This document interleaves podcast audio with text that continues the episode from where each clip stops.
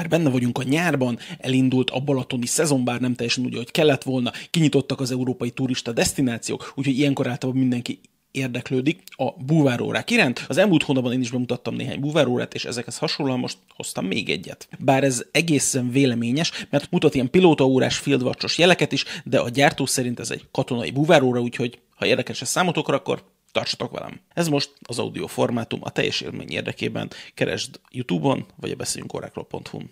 Szeretitek azt, amikor mikrobrendekről beszélünk, és a Mark is valahova ebbe a kategóriába esik. Egy kicsit azért kinyúlik belőle, mert már 17 éven 2006 óta léteznek, úgyhogy úgy gondolom, hogy igazából kismárkaként kell rá tekinteni, és azok számára, akik követik a csatornát, nem is ismeretlen ez a márka, ugyanis a tavalyi év folyamán már mutattam be az Elegance nevű modelljüket, ami svájci automata szerkezette 300 méteres vízállósággal, zafirral, és egy nagyon megkapó jégkék számlappal érkezett, így koraiként felülve a Tiffany hullámra, viszont amit most hoztam, az egy teljesen más modelljük, egy úgynevezett Military Diver, és a bemutatást most kicsit megfordítva, hat kezdjem kritikával, hogy utána szemérmetlenül dicsérhessem. A kritikámnak a tárgya elsődlegesen a szíjjal lesz kapcsolatos, méghozzá a színak a csavarjaival egészen konkrétan,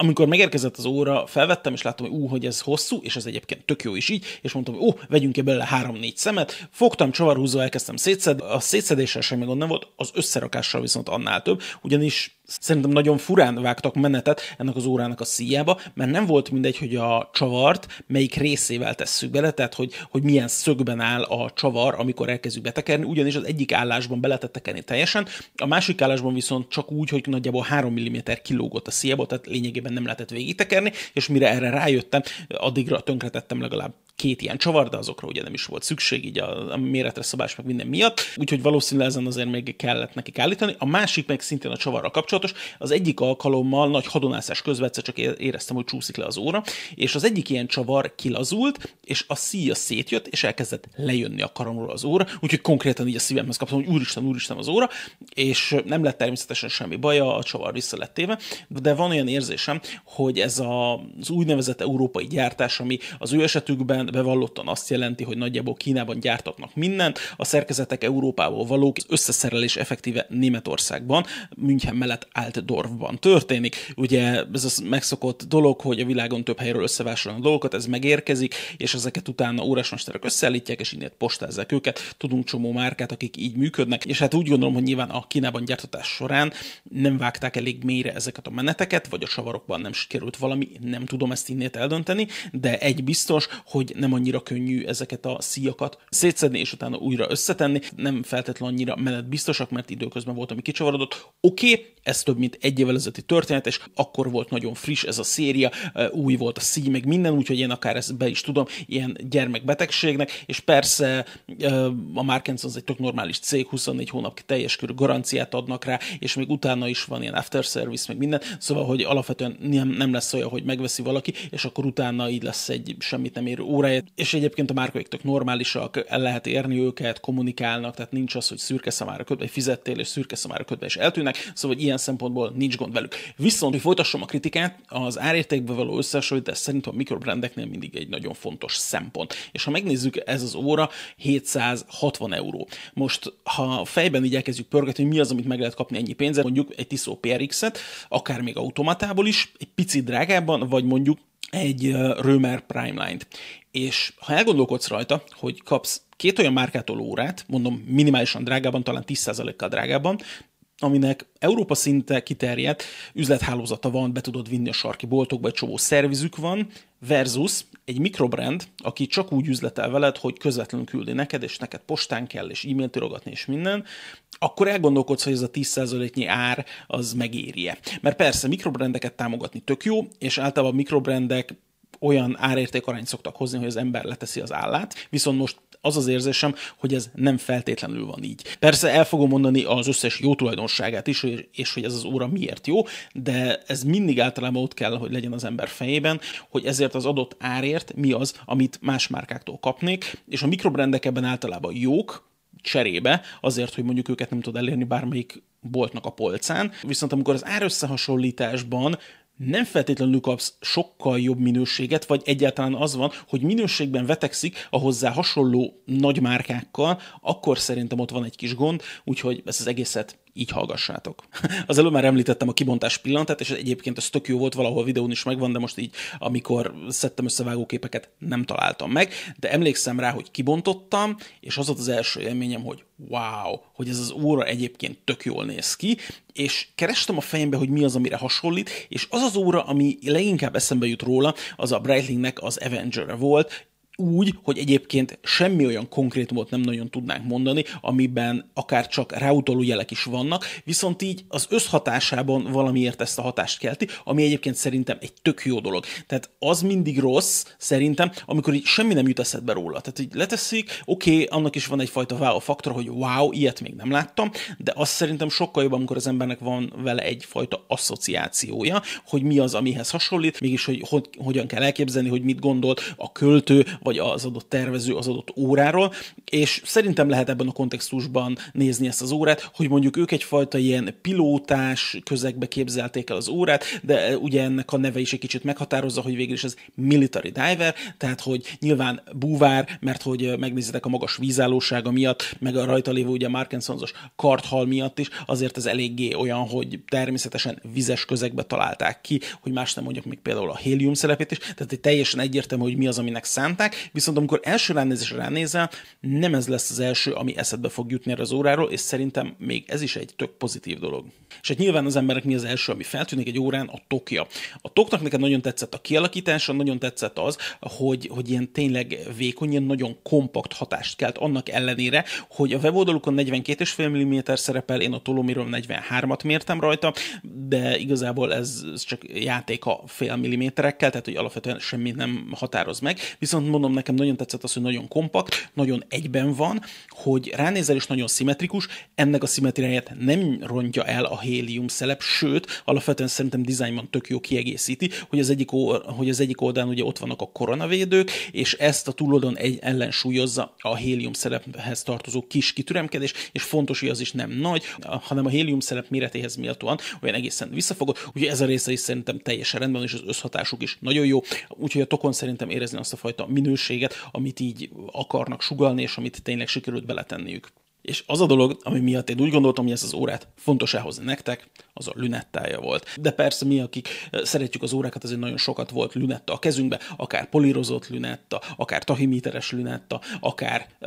akár csak fix lünetta, meg rengeteg búvár lünetta is nyilván. És nekem azt tetszik ebben az egészben, hogyha ránézel, elsőre azt mondod, hogy de hát ennek fémberakása van, és nem igaz, mert hogy ez szálhúzott kerámia. Tehát, hogy még egyszer, ez egy fekete, szálhúzott kerámia lünetta berakás. Nekem ez végtelenül szimpatikus volt. Persze, tök jó az, amikor egy órán mondjuk polírozott kerámia berakás van, és az nagyon, nagyon jó érzés, hogy ú, hogy az végig csillogni fog, azt nem tudod megkarcolni, ez tök jó. Itt viszont az a hangulata van, mintha egy kicsit rozsdás lenne. Tehát ilyen, ilyen nagyon industriális hangulatot ad neki, és pont azért, mivel egyébként ez csapott, e, és nem, nem áll ki, mint mondjuk a legtöbb polírozott e, kerámia berakás, már magának a lünetta berakásnak is vékonyító hatása van, és ettől a lünetta is egészen vékony e, hatást kell. Egyébként meg a lünettának magának a kezelése tök jó, a hangja is tök jó. Tehát mivel Búvár egyébként egy irányba forgatható, bár én a Márkótól kérdeztem, hogy és egyébként miért nem két irányú, ha már nem eredetileg diver, hanem hogy izé pilótóra, de azt mondta, hogy ez, ez így a jó, nem akartam akadékoskodni. És persze a másik erőssége még, hogy BGW9-es kék lumineszkáló festéket kapott, maga a lünetta is, és természetesen a számlapon is minden, ami lumineszkál. És hát még egy gondolt a hélium szelepről, szerintem amikor valamelyik gyártó hélium szelepet rak az órájához, akkor ez egyfajta olyan kijelentés, hogy ő önmagában komolyan veszi magát, mint óra. Nyilván sokan gyártanak rengetegféle órát, de valahogy azt láttam, hogy aki mondjuk hélium szelepet rak egy órára, ott azért az egyfajta minőség. És nem azért, mintha egyébként a hélium szelepnek bármilyen gyakorlati haszna lenne. Most azért tegyük fel a kérdést, hány ember fogja kihasználni a való életben azt, hogyha elmegyek buvárkodni, akkor a hélium elkezd összegyűlni a kristály alatt, és majd így le fogja dobni magáról. Tehát, hogy nyilvánvalóan egészen kevesen, mégis viszont ez egy olyan dolog, amikor azt mondod, hogy, hogy át van gondolva minden, hogy, hogy nem csak ráírták, hogy 300 200 méter vízállóság, vagy 500 méter vízállóság, hanem hogy tettek is érte, és nyilván hozzáadták azt, hogy ha valaki olyan mélységben merül, akkor az nyilván szükség lesz palackra, azzal együtt jár az, hogy különböző gázok vannak, amik egyébként kisebb szemüvegek, mint mondjuk az oxigén, tehát be tudnak jutni az óratokba, tehát kell bizonyos dolgokra gondolni. és hát ha már nyilván a kristály, akkor ugye zafírból van, és tükröződésmentes réteg is van rajta, és bár ennek az órának van olyan verziója, ami kék számlapos, amit itt láttok, ez fekete, mégis a kék meg tud úgy csillanni, mint hogyha úgy látnád, hogy ú, ez most ilyen feketés-kékes színben játszik, azok mellett, hogy egyébként ugye a számlapja eléggé monokróm, tehát hogy ilyen izé, fekete-fehér, viszont nagyon jól feldobják a piros dolgok rajta, ugye a mutató, az automatik felirat, és szerintem ez, ez alapvetően egy nagyon-nagyon jó hangulatot ad az egésznek. Van ennek az órának egyébként egy fehér belső lünet a berakásos verzióira, de ez a most a full fekete, sőt van egy ennél feketébb, ami teljes PVD DVD borítás, és narancssárga belülről. Arra gondoltam, hogy az tök jó lenne a csatorna dizájnjához, de végül ezt a dolgot elvetettem, és, ez, és maradtunk ebben a monokróm piros verzióban, ez is szerintem végtelenül szexi. Egy másik dolog még, ami nekem nagyon szimpi, hogy a dátumablakot 3-ról 6-ra helyezték, ugye ez se egy megszokott dolog, mert hogy persze rengeteg órán látjuk, viszont azért mégiscsak az van, hogy a legtöbb órán megszoktuk, hogy háromnál van esetleg, egy kicsit lejjebb mondjuk fél négynél, de az, hogy 6 órára letegyék, és hogy, és hogy álló formátumban legyen, a dátum ablak, az is szerintem egy olyan megfontolást igényel, ami, ami ad egyfajta ilyen komolyságot, és egyébként nagyon fontos designnal kapcsolatos megfontolást is igényel, és ez megint csak a, ahhoz a fajta igényességhez tesz hozzá, amiről így az eleje óta próbálom tépni a pofámat, hogy azért koncepcionálisan jól át van gondolva, és nem az van, hogy így oda dobáltak dolgokat, és ahogy eset úgy puffan, ahogy például a dátumablaknak a kerete is pont ilyen, hogy stílusában illeszkedik az indexekhez. Apropó az indexekről még egy kicsit, valami éleszemű ólás kollega kiszúrta egyébként, hogy az indexek is egy picit csálén állnak. Én ezzel kapcsolatban én ezt nem vettem észre, de aztán megnéztem eh, nagyobb nagyítóval. Tényleg nem állnak százszerzalékban merőlegesen meg egymásra párhuzamosan, hanem van egy kis szög bennük, de hát lelkük rajta és bár panaszkodtam a szíról, egyébként maga a szí, mint konstrukció rendben van, aminek egyébként a stílusa mégsem, em, mégsem emlékeztet semmi korábbira, tehát persze lehet mutogatni a Rolex irányába, hogy Oyster szí, de egyébként sem az arányai, sem a felépítése egyébként nem teljesen olyan, mint mondjuk egy Oyster szíjé lenne, és egyébként tök jó használható, tök kényelmes, úgyhogy alapvetően ezzel nem volt gondom, és egyébként ha már a szí, nekem nagyon tetszett a csatja is, hogy rendes ilyen scissor clasp van benne, és a végszemek. Általában nagyon sokat szoktunk ezen rugózni, hogy ú, most akkor kapcsos végszem vagy teli végszem, és én nagyon örülök, amikor ebben az árszegmensben lehet találni olyan órát, aminek teli végszeme van, de ezt egyébként a másik kettő korában ebben, erre a kategóriában nagyjából lövő konkurensnek is sikerült abszolválnia, úgyhogy ez, ez sem olyan, ami kiemelkedő lenne ebben az ár kategóriában, de egy tök jó dolog, hogy van. És akkor végére még egy gondolat, a csomagolásról nekem nagyon szimpatikus a Mark Sons-nak ez a fajta doboz, amiben érkezik, ugye az Elegance is ebben érkezett, és a teljes Diver szériájuk is, és a Pilóta szériájuk is ebben érkezik, bár tudom, hogy arról még nem volt videó, de majd arról is egyszer csak lesz. Mindegyiken rajta van Mark Sons-nak a logója, ez a kis fehér bélés benne. Tök jó, a felső zseb, amiben benne férnek a garancialapok, a leírások és az extra szemek, amiket kiveszünk a, a szíból, azokat is tök kényelmesen lehet benne tartani, úgyhogy ezzel szerintem egyáltalán nincs gond, úgyhogy összefoglalva én azt mondom, hogy az óra egyébként egy tök igényes dolog,